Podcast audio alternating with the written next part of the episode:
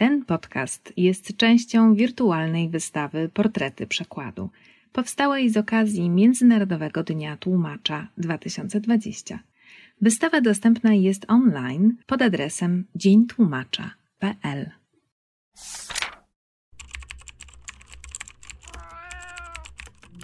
Na przykład podcast Stowarzyszenia Tłumaczy Literatury.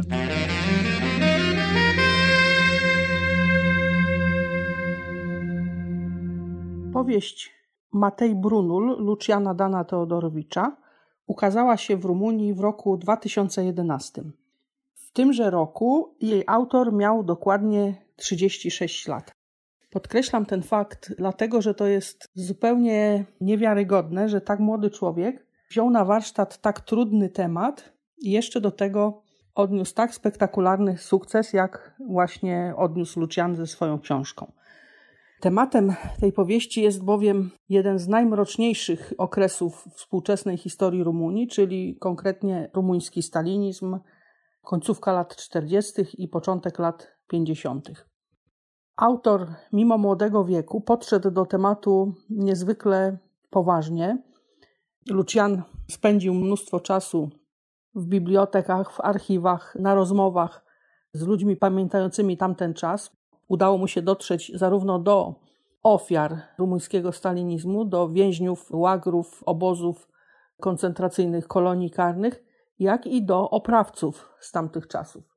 Ponieważ w licznych rozmowach później z czytelnikami w Polsce podkreślał, że miał taką misję, chciał się dowiedzieć, jakie racje przemawiały za oprawcami, a jak zapatrywali się na wszystko ci, którzy byli ofiarami tamtego okresu.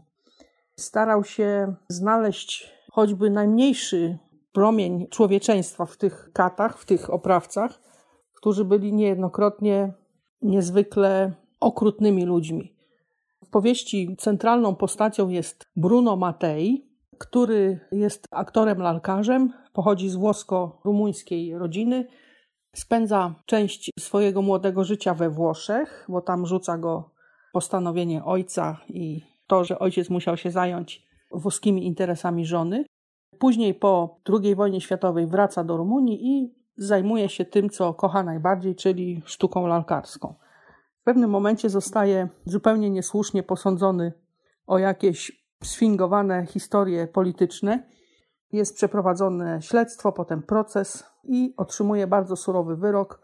Ląduje w jednym z najstraszliwszych miejsc kaźni, czyli na budowie kanału Dunaj-Morze Czarne, później do kolejnych więzień i w ostatnim z tych więzień traci pamięć w wyniku nieszczęśliwego wypadku. Ale traci pamięć tylko ostatnich 20 lat swojego życia, więc kompletnie nie pamięta powodu, dla którego znalazł się w więzieniu i nie pamięta wszystkich tych lat spędzonych w tych miejscach kaźni. Opiekujący się nim oficer bezpieki, towarzysz Bożin oraz przydzielona mu tajna współpracowniczka Służby Bezpieczeństwa Eliza próbują z niego zrobić tak zwanego nowego człowieka. Próbują wmówić w niego jego nową tożsamość i wpisać go w nowe realia socjalistycznej czy komunistycznej właściwie Rumunii. I nasz bohater poza nową tożsamością otrzymuje nowe nazwisko, nazywa się Matej Brunul, stąd właśnie tytuł powieści. I ta podwójna tożsamość bohatera jest bardzo dobrze oddana w konstrukcji książki, ponieważ narracja w powieści jest prowadzona dwutorowo. Jedne rozdziały dotyczą właśnie Bruno Mateja, drugie rozdziały dotyczą Mateja Brunula.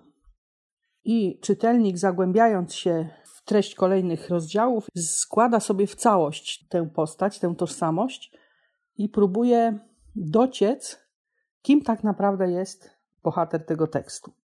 Książka trafiła do mnie w roku 2012 czyli rok i kawałek po jej ukazaniu się w Rumunii, w takich dość ciekawych okolicznościach, ponieważ to był listopad, tuż po zaduszkach. Byłam akurat wtedy w Bukareszcie i postanowiłam odwiedzić grób mojej przyjaciółki Marii Lesieckiej, pochowanej w katolickiej części cmentarza Belu w Bukareszcie. I poprosiłam swojego przyjaciela Tomka Ogińskiego, o to, żeby mi towarzyszył, ponieważ w listopadzie no to już są takie dni dość pochmurne, ponure, nie byłoby przyjemnie. Tomek się zgodził i umówiliśmy się na Piazza Romana w Bukareszcie.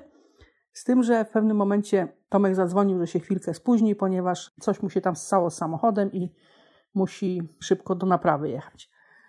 Miałam wolne pół godziny czy 40 minut, w związku z tym, ponieważ troszkę już zaczęło mrzyć, weszłam do pobliskiej księgarni i od razu rzuciły mi się w oczy dwa tytuły. Jakoś to tak było, że one wyszły mi naprzeciw, mogę powiedzieć. Pierwszym z tych tytułów był Matej Brunul, a drugim Medjidia, miasto Ukresu, Krystiana Todorescu, czyli druga tłumaczona przeze mnie na język polski rumuńska powieść. Przekartkowałam obie książki, poczytałam sobie o treści książki, poczytałam fragmenty recenzji, które były na okładce, tyle mogłam zrobić i stwierdziłam, że to jest to, że to jest temat, który jest fascynujący, który może być niezwykłą dla mnie przygodą podczas tłumaczenia. W związku z tym kupiłam obie książki i tak jak Danuśka w Krzyżakach powiedziałam do siebie mój ci on, muszę przetłumaczyć obie książki na język polski. Tak się zaczęła moja przygoda z tłumaczeniami literatury rumuńskiej na język polski. Polska wersja powieści pojawiła się w 2014 roku nakładem malutkiego, niszowego wydawnictwa wrocławskiego Amaltea. I tutaj chcę bardzo, bardzo serdecznie podziękować właścicielce wydawnictwa za to, że nie wahała się podjąć tego trudu i tego wyzwania, można powiedzieć, do opublikowania zupełnie nieznanego jeszcze wtedy, albo prawie nieznanego w Polsce autora. Lucian, co prawda, był wcześniej w Polsce i nawet jedno z jego opowiadań gdzieś tam było w jakimś czasopiśmie literackim opublikowane, ale to w zasadzie taka kropla w morzu. Mogę powiedzieć, że książka wdarła się przebojem na salony literackie w Polsce, ponieważ zyskała przychylność jury Literackiej Nagrody Europy Środkowej Angelus we Wrocławiu trafiając do ścisłej siódemki finałowej tej nagrody w roku 2015. Lucian nie zdobył głównego Angelusa, natomiast został laureatem nagrody czytelników imienia Natalii Gorbaniewskiej, czyli pierwszej nieżyjącej już wtedy jurorki przewodniczącej jury nagrody Angelusa. Była to niezwykle zaszczytna dla Luciana nagroda i praca plastyczna, którą wtedy otrzymał, zdobi jego mieszkanie do tej pory.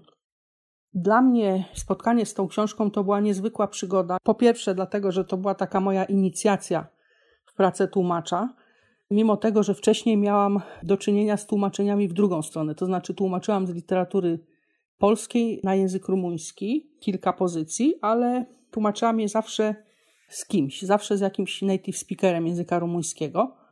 A tutaj jakby sama przed sobą zobowiązałam się do tego, że to będzie jakaś nowa jakość i powiem tak, że tłumaczenie tej książki to była dla mnie jednocześnie lekcja pokory, ponieważ bardzo dużo się przy tym nauczyłam od redaktorki mojej książki, od korektorów. Nauczyłam się tego, że tłumacz to jest człowiek, który musi cały czas pokornie schylać głowę, cały czas szukać, cały czas myśleć, cały czas próbować nowych rozwiązań. Nie było to łatwe. Styl Luciana jest naprawdę niełatwy do tłumaczenia, ponieważ Lucian używa akurat w powieści Matej Brunul bardzo takich rozbudowanych fraz, wielokrotnie złożonych zdań. Jego fraza jest niezwykle barokowa, taka można powiedzieć. Jest tam sporo powtórzeń, które język rumuński bardzo dobrze znosi, natomiast one w języku polskim niekoniecznie są pożądane. W związku z tym trzeba było znaleźć taką drogę, żeby i wilk był syty i owca cała. Proces tłumaczenia trwał dobrych kilka miesięcy i była to bardzo, bardzo wytężona praca, ale jestem Lucianowi niezwykle wdzięczna za tę książkę i jestem wdzięczna też losowi za to, że mnie zetknął z tą książką. Bo takie rzucenie na głęboką wodę to jest możliwość wykazania się, pokazania, że tłumacz nie boi się wyzwań, nie boi się takiej dłubaniny tłumackiej, roboty codziennie nad tekstem, myślenia o nim, myślenia nad tym, jak brzmi ta fraza. Nie boi się doszukiwania się drugiego, trzeciego, czwartego sensu, po to, żeby zdania brzmiały jak najlepiej, żeby składały się w przekonywującą dla polskiego czytelnika całość. Pomysłem moim i wydawczyni było też to, żeby autor specjalnie dla polskiego czytelnika stworzył przedmowę. W rumuńskim wydaniu tej przedmowy nie ma, ponieważ autor zakłada, że fakty poruszane w książce są mniej więcej znane rumuńskiemu czytelnikowi. Natomiast w Polsce byłoby z tym gorzej, dlatego poprosiłyśmy Luciana o tę przedmowę. Zachęcam Państwa do sięgnięcia po tę książkę. Naprawdę jest to wielka przygoda czytelnicza.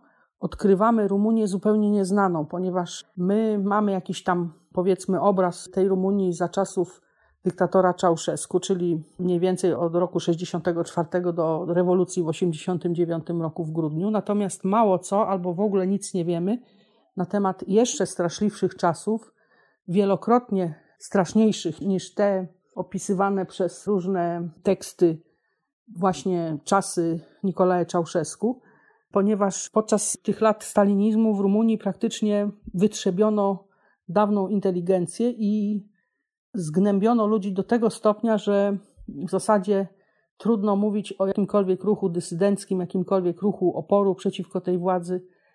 To jest oczywiście osobna historia. Zgnębiono ludzi fizycznie, ale też zgnębiono ich moralnie. I zniszczenia moralne, jakie wtedy powstały, do tej pory są w społeczeństwie rumuńskim odczuwane. Lucian starał się w swojej powieści jakby na nowo odbudować pamięć o tamtych czasach, pokazać to, że musimy cały czas walczyć o przywrócenie tej pamięci, ponieważ dziesiątki lat komunizmu spowodowały to, że naród rumuński, ale też ogólnie rzecz biorąc Europa Wschodnia zapadła w jakiś taki rodzaj letargu, rodzaj niepamięci. Próbuje się niewygodne fakty z historii danego narodu gdzieś tam schować pod dywan, zakopać, żeby broń Boże nikt o nich nie mówił i nie wyzwalał jakiejś dyskusji społecznej na te tematy. A Lucian z odwagą młodego człowieka przystąpił do tego tematu i z wielkim sukcesem wywiązał się z zadania, które sam przed sobą postawił. Wysłuchali Państwo na przykład podcastu Stowarzyszenia Tłumaczy Literatury.